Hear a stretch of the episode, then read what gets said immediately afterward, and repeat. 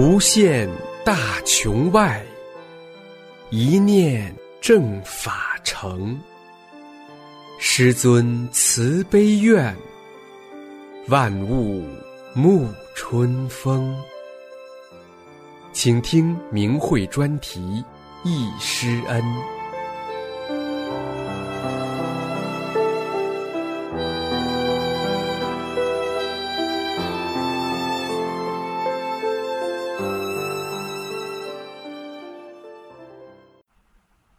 请听明慧忆师恩专题文章，题目是《二十五年的修炼，师恩难忘》。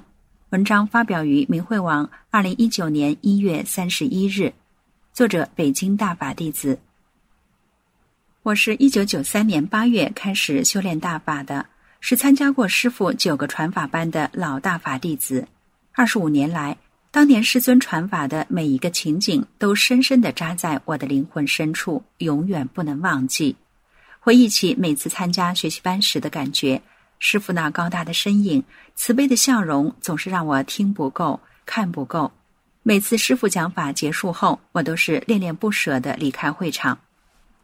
我今年八十三岁，修大法前，我是一个被中西医都判为死刑的人，身体从里到外没有一处好，心、肝、脾、肺、肾经医院检查全部正常。最严重的是小脑萎缩、植物神经紊乱，两腿呈 X 型，根本就走不了路。因为小脑有问题，造成走路出偏，经常摔跟头。那些年折磨的我生不如死，几次想跳入家边的玉渊潭湖中一死了之。一九九二年，师傅到电视台接受采访，当时我老伴儿协助电视台给师傅录像，回来后告诉我，这个气功师可不一般，特别正派。法轮功不收费，但是治病有奇效。当时我无精力也无体力，对生命不抱希望，没有想去参加学习班的念头。后来老伴儿见我病得这样子，就说：“这气功师太不一般了，又不收钱，治病有奇效，咱就算是有病乱投医，咱就试试呗。”由于时间不巧，这次只听了师傅在北京公安大学礼堂办的第十二期学习班的最后一天课。接着，我又参加了师傅在北京七七部二院礼堂举办的第十三期学习班。这次我是和邻居一位大姐结伴去听课的。第一天听完课，我刚回家就又拉又吐的发高烧，坐在便盆上一个小时都起不来，排出的都是绿色的脓血。没想到的是，排完后我感觉特别舒服。当时我就感觉这个气功师可真厉害，与我见过的其他气功师截然不同。其他气功师都是说要给大家治病，而这位气功师还没说给治病呢，怎么就有这么大的反应呢？接下来听了三讲课后，我的腿脚开始肿痛，就不想去听课了，因为我当时悟性还不高，想先去医院看看再说。后来从办班的工作人员那里得知这是好现象，于是我决定不去医院，又瘸着腿坚持来到了会场。神奇的是，两天后腿脚全部消肿。更神奇的是，我的两条 X 型腿直了。从第六天开始到第九天学习班结束，每天上课时，我一见师傅坐下，刚说现在开始讲课，我就开始睡觉，什么也听不见了。因为有前几天身体的改变，这次我一下子悟到了是师傅在给我调理大脑呢。师傅讲完法，我也醒了。醒了后我就后悔。九天学习班结束后。我觉得身心发生了很大的变化，无病一身轻，就像又重新活过来一样。我和邻居大姐说：“咱俩带上干粮水去趟香山公园试一试，如果咱俩能爬上鬼见愁，香山公园的最高峰，这功法咱姐俩学定了。”结果我俩真去了香山，一口气爬上了半山腰的平台。休息时商量了一下，我们能不能爬上山顶鬼见愁试试看。真没想到，就我们俩这身体状况，一下子就爬上了鬼见愁的山顶。到了山顶后，还没觉得累，我俩兴奋的欢呼起来：“我们好了，我们没有病了，我们认定了这位师傅了，这功我们练定了。”回家后，我俩到处打听师傅下一次传法的时间、地点。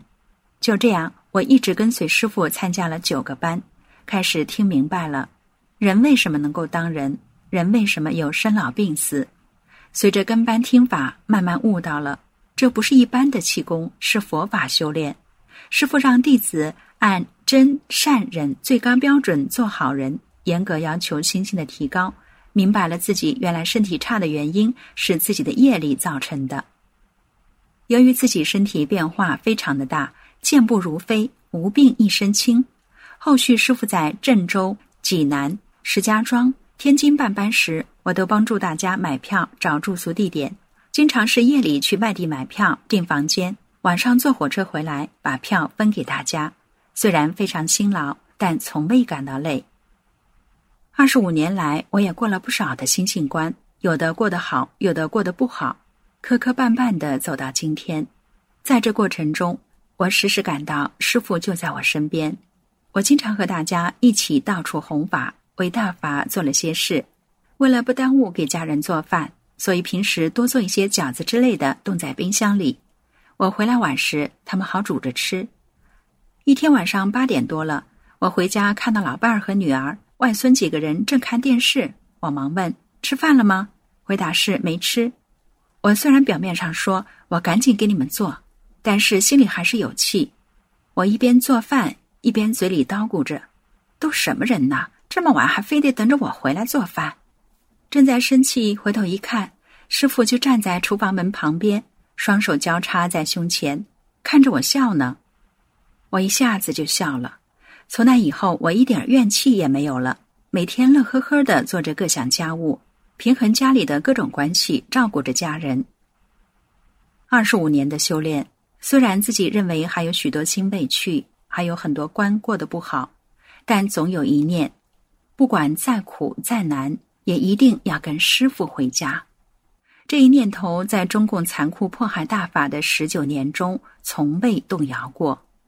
感谢师尊慈悲苦度，跪拜师尊。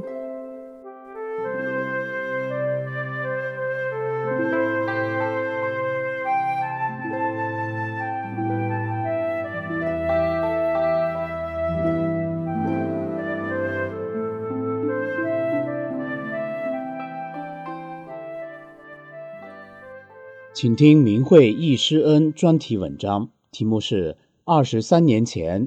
瘫痪的我在师傅讲法班上站起来了。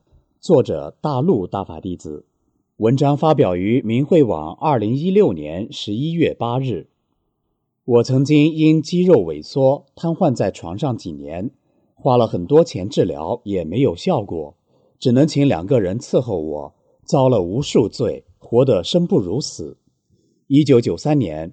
一位法轮功学员向我介绍，法轮功祛病健身有奇效，使我有幸参加了师傅一九九三年十一月二十一日至二十九日在合肥的法轮功学习班。开始前面的几天，我没有想要修炼法轮功，只想着自己的瘫痪能被治好。直到后来，我才听明白了，师傅是往高层次带人，给真正想专一修炼法轮功的学员清理身体。达到无病状态，人要按照真善忍去做，才能去病，才能长功。于是我从心底发愿，要成为真正的法轮功修炼者。就当我真心动了这一念时，立刻感到全身动了一下，当时我就流下激动的眼泪。我记得当时师傅让大家站起来，跟着师傅的口令跺脚，我不知不觉就站起来了，跟师傅的口令。左脚抬起跺下，右脚抬起跺下，就这样，瘫痪的我瞬间好了。我站起来了，我能动了，我没病了。我激动的只知道哭。学习班结束了，我连声谢谢师傅都没来得及说。那天学习班结束后，人都走光了，我才发现天天背我来参加学习班的人没来接我，我就自己走出会场。打出租车回到家，我家在四楼。我敲开家门，全家人，包括请来的伺候我的人都惊讶极了，大家都激动的哭。看到瘫痪的我从此行动自如，邻里、同事、朋友都为我高兴，也因此很多人走入了法轮功修炼。是法轮大法给了我第二次生命，感谢慈悲伟大的师父。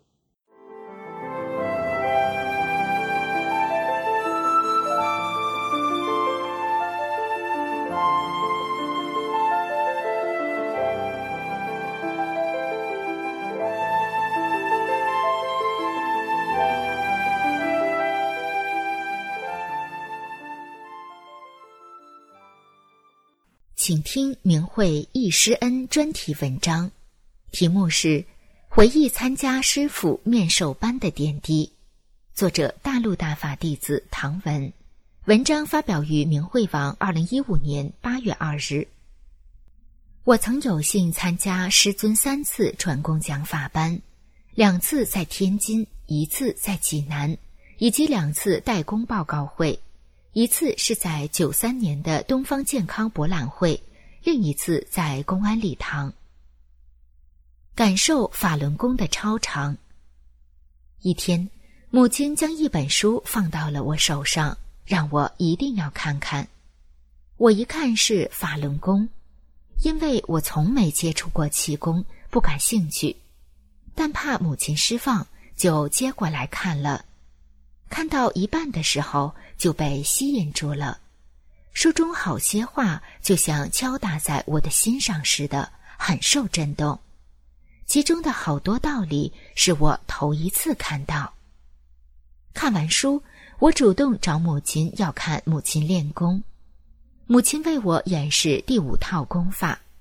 当打手印时，我心里一阵喜悦，感觉那动作是那么优美。我说：“我也试试。”一坐下，刚跟着比划时，就感到坐的地方有东西旋转起来。我当时就叫了一声：“真有法轮！”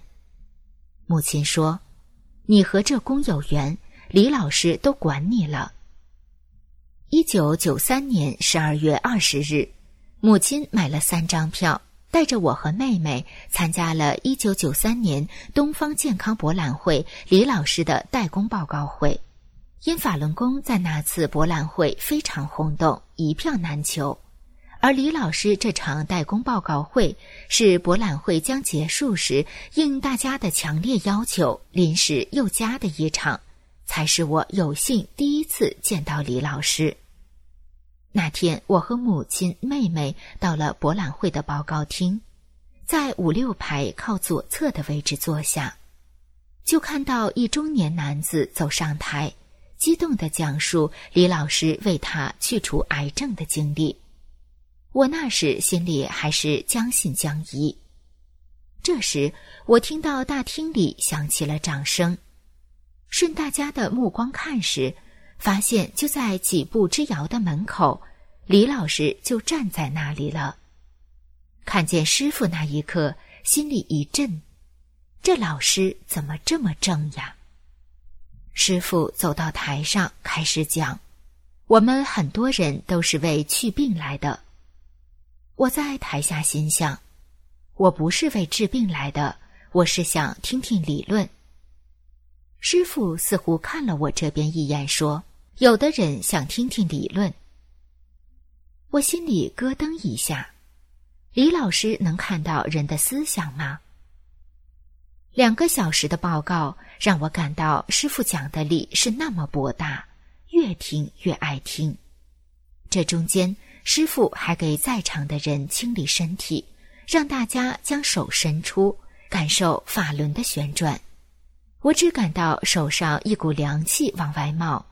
刚和旁边的妹妹说，就是手有些凉，马上听到师傅在台上说：“感到手凉的，那是你身体有病，法轮再给你调整。”两个小时报告结束了，我还想听师傅讲，可不知怎样才能参加师傅的正式班呢？已经结束讲课的师傅又走回讲台，对着话筒告诉大家说。天津将在九四年一月十七号办班，如果有想去的，可以到博览会的门口买票。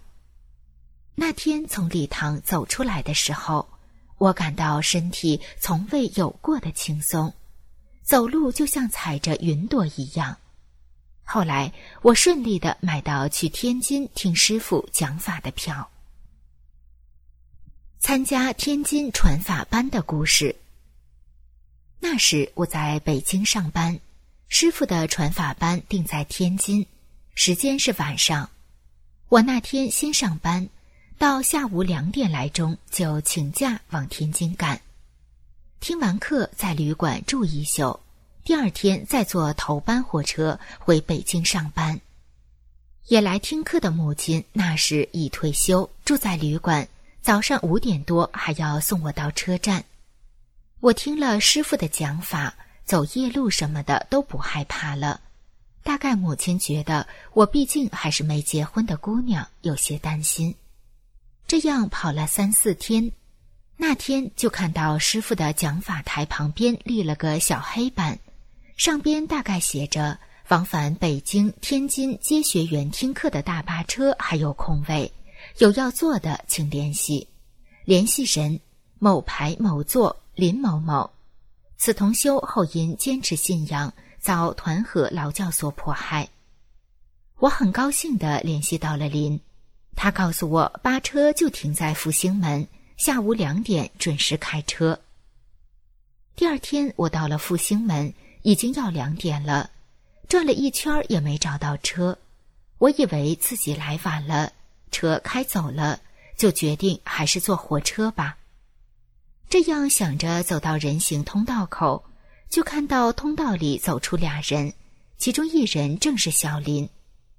我很惊喜，说道：“真巧，我以为车走了。”小林当时说了声：“师傅让我来接你，我们快走吧。”这样，他带着我顺利上了车，赶上了师傅讲法。后来我知道。师傅真的有法身引导我，解决了我一人听课跑路的难题。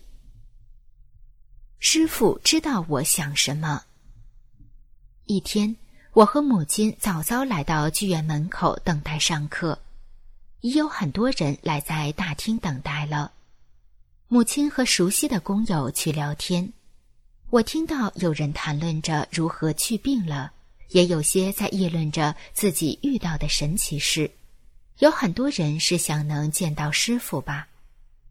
我避开了人群，站在大厅门口边上的一株植物边，觉得那里清静，默默等待开课。这时，我忽然觉得有个高大的身影从我身边走过，我一扭头看到了师傅往讲堂进，不由得轻呼了一声。师傅，我当时感到很诧异。师傅穿过那么多学员走进来，怎么没有人能看见呢？师傅停下了脚步，回身看着我，没说话，只缓缓的单手立掌于胸前。我当时脑子一片空白，不知该如何是好。我出生于六十年代。在中共无神论的灌输下长大，听师傅讲法前，我连神佛的概念都知之甚少，更不知道修炼是什么了。师傅当时面对的就是像我这样无知的弟子，真不知要操多少心呀。在参加师傅的面授班时，虽然知道师傅讲的理是如此博大精深，因从没学过其他气功。就觉得是不是气功讲的都是这些我不曾知道的理呢？随着师傅讲课，我的头脑中就冒出了这想法：原来气功这么博大精深呐！以后再听到哪里有办气功班的，我也去参加了。当时我的想法刚一出，就听到师傅在说这方面的事，如师傅在《转法轮》中所说：“我说你千万别去。”听了不好的东西，就从耳朵往里灌。师傅的这段讲法，就像敲到我心上一样，无论经历多长时间，都是那样清晰。我也因曾有这想法，经历了许多这方面的关，让我遇到其他气功师，全办公室的人都动员我去听别的气功讲座等。再以后，各种邪物的说法。拉你信别的门派的等等，那时我都能想起师傅在班上讲的这段话。我得法也有二十一年了，师傅当年传法情景还历历在目，已注入我的生命深处了。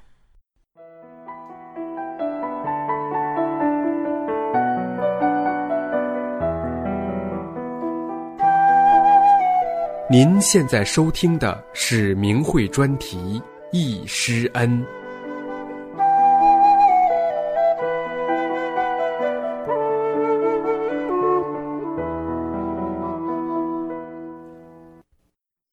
请听明慧易师恩专题文章，题目是《易参加师傅在济南讲法传功班》。文章发表于明慧网，二零一九年一月二十七日。在新年来临之际，弟子以最崇高的敬意、最虔诚的心、最诚挚的问候，感谢师傅救度之恩。一九九四年一月二十八日，师尊让我得到法轮大法，引领我走上返本归真之路，成为助师正法的大法徒。一师傅在济南举办第一期讲法传功班。一九九四年一月二十八日，在济南青年干部学院礼堂，在雷鸣般的掌声中，师傅走上讲台。师傅慈眉善目，高大伟岸，气宇轩昂，睿智聪慧，平易近人，看上去就是二十多岁的年轻人。穿一件咖啡色的皮夹克，格外英俊潇洒。师傅讲法时没有讲稿，只有一张小纸条。声音洪亮，语言流畅，没有多余的话。师傅用最浅显、最直白的普通话，以气功的形式传宇宙最高层次关于宇宙、生命、人体等深奥的法理。讲法场充满了祥和与慈悲。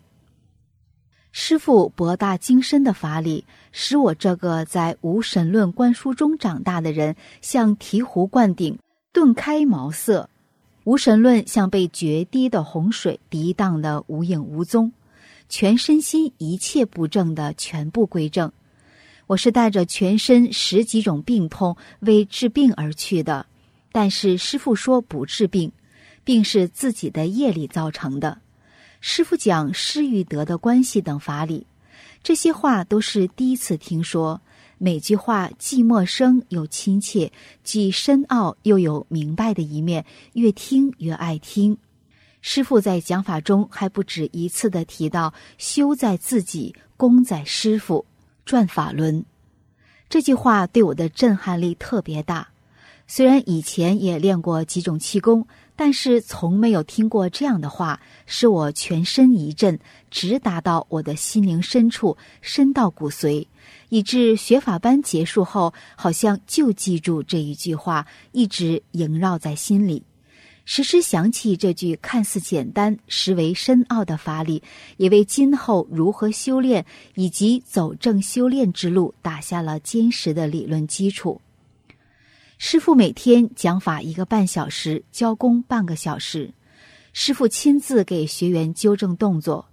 我们每天早上和下午在操场练习动功，有的学员动作不正确，师傅亲自给学员纠正动作。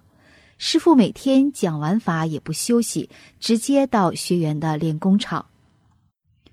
在练第二套功法法轮桩法头前抱轮时，我看到两个胳膊被能量充实着，能看到能量在两臂中流动。两胳膊、两手指都融在能量流里，没有了胳膊，没有了手指，两臂热热的。从那以后，我的肩周炎好了。在练第四套功法法轮周天法时，我看到和听到我的小腹部位右下侧，像放鞭炮的引线发出呲呲的响声，同时闪着火花，很刺眼。因为以前我得过卵巢囊肿，以低度恶变，后来子宫和卵巢全部切除，但手术后肠壁和刀口部分粘连，经常疼，不能做剧烈运动。练完法轮周天法后，师傅给粘连的地方打通了，再也没疼过，彻底好了。师傅的最后一节课是给学员回答问题，让学员把问题写在一张小纸条上。其中有一个学员写的是：“请师傅给我们打一套佛家大手印。”师傅慈悲，满足了大家的要求。在打大手印之前，师傅说：“大家知道手印是佛的语言，你们悟吧，悟什么得什么。”我也不懂什么叫悟，我就想师傅在给我治病呢。师傅换了一个手印，我又想师傅在给我治病呢。师傅又换了几个手印，我还在想师傅在给我治病呢。也就是半分钟，一阵热流从头顶直达脚底，通透全身。四十多天的高烧不退，一下子汗全出透了，从里到外，从上到下，从内脏到皮肤，黏糊糊的汗从每个毛孔里流出来，不停的流，不停的流，渗透到大棉衣的外面来，棉衣外面都是黏糊糊的凉汗。我立刻感到神清气爽，有生以来从来没有这么好的感觉，舒服极了。师傅的一套佛家大手印治好了我多年的头疼、感冒、关节炎、腿疼、脚后跟痛、胆囊炎、失眠、多梦、胃病等十几种病。师傅把我生生世世的业力通过灌顶的形式全部清理出来，我太幸运了。以前为了治感冒，我不知道吃了多少药，打了多少针，甚至出现全身虚脱、幻听幻视。由于工作压力大，生活艰辛，孩子小，没有老人帮忙，痛苦天天伴随着我。不知人为什么活着，生活没有乐趣。这一次，全身的病痛全好了，真实体会到什么叫无病一身轻的感觉。在学习班结束后，师傅分别和全体学员拍照，不厌其烦的一波一波的拍照，直到全部拍照结束。二，师傅在济南举办第二期传法教工班。一九九四年六月二十一日，师傅在济南举办第二期传法教工班，参加的学员多达四千多人。原计划在青年干部学院。由于人太多，就换成了皇庭体育馆。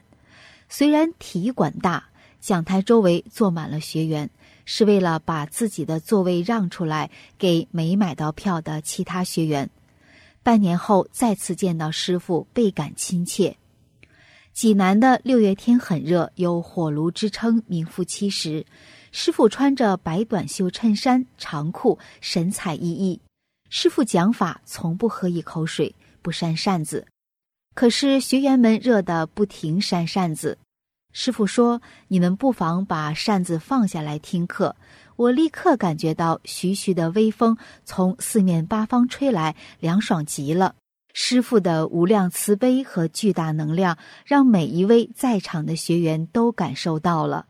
在讲课间歇时，师傅在每层石阶上走动。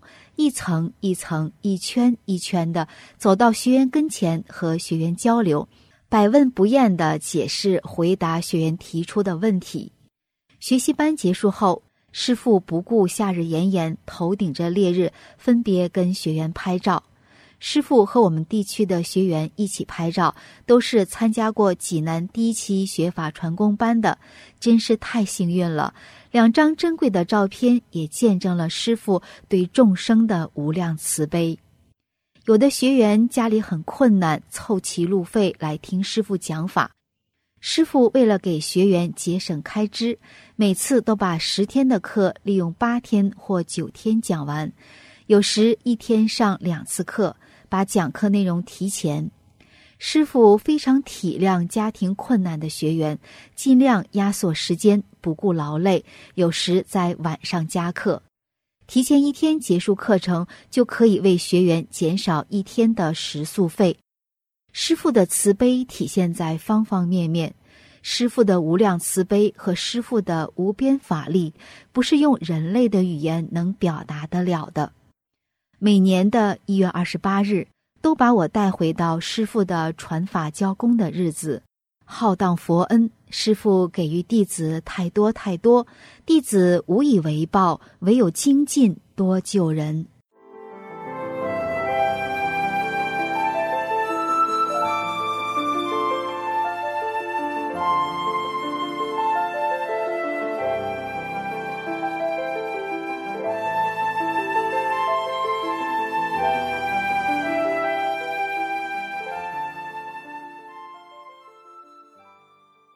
请听明慧易师恩专题文章，题目是《圣缘》。文章发表于明慧网，二零一五年七月四号。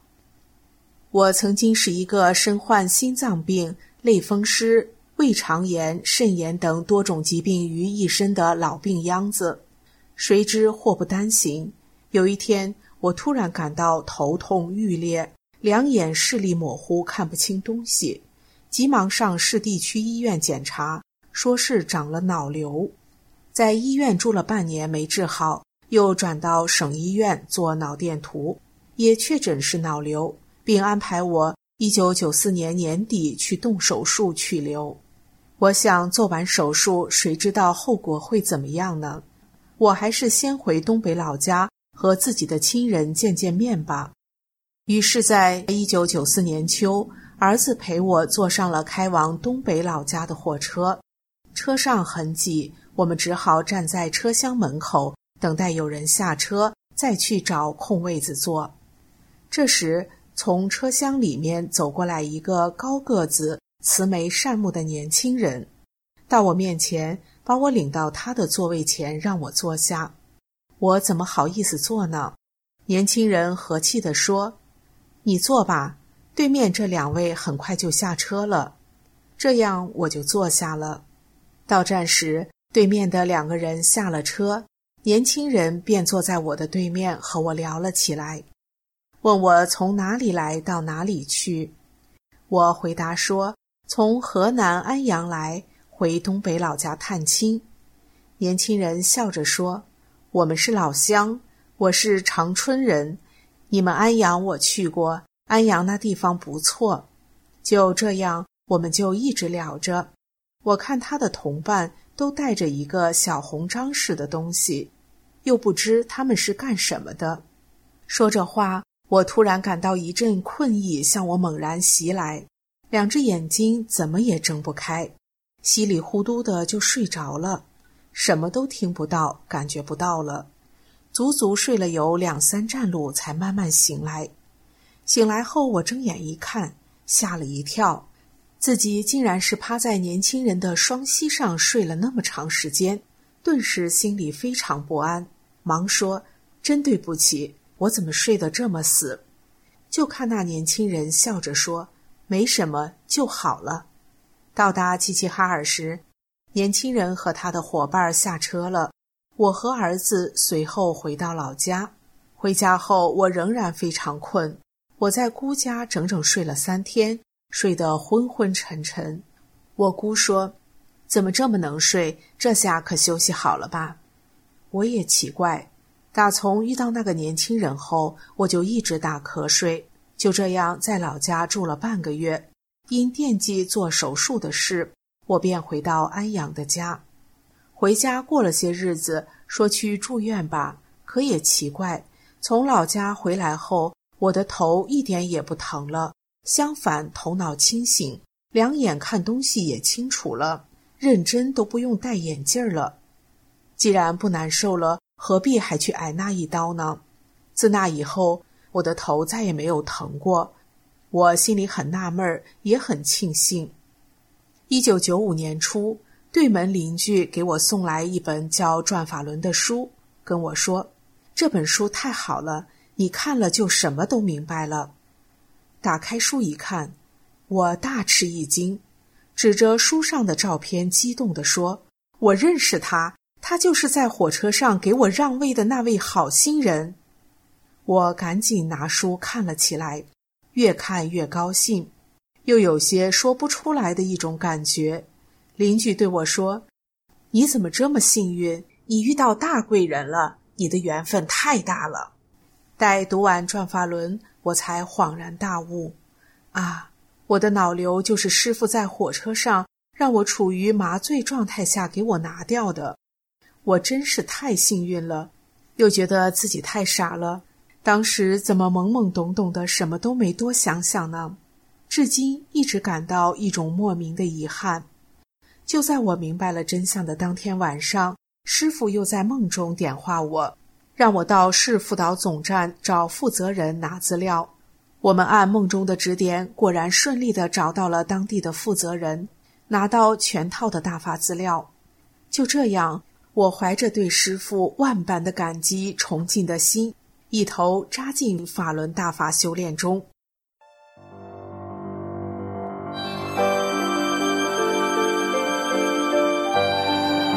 这次的易师恩就到这里，谢谢收听。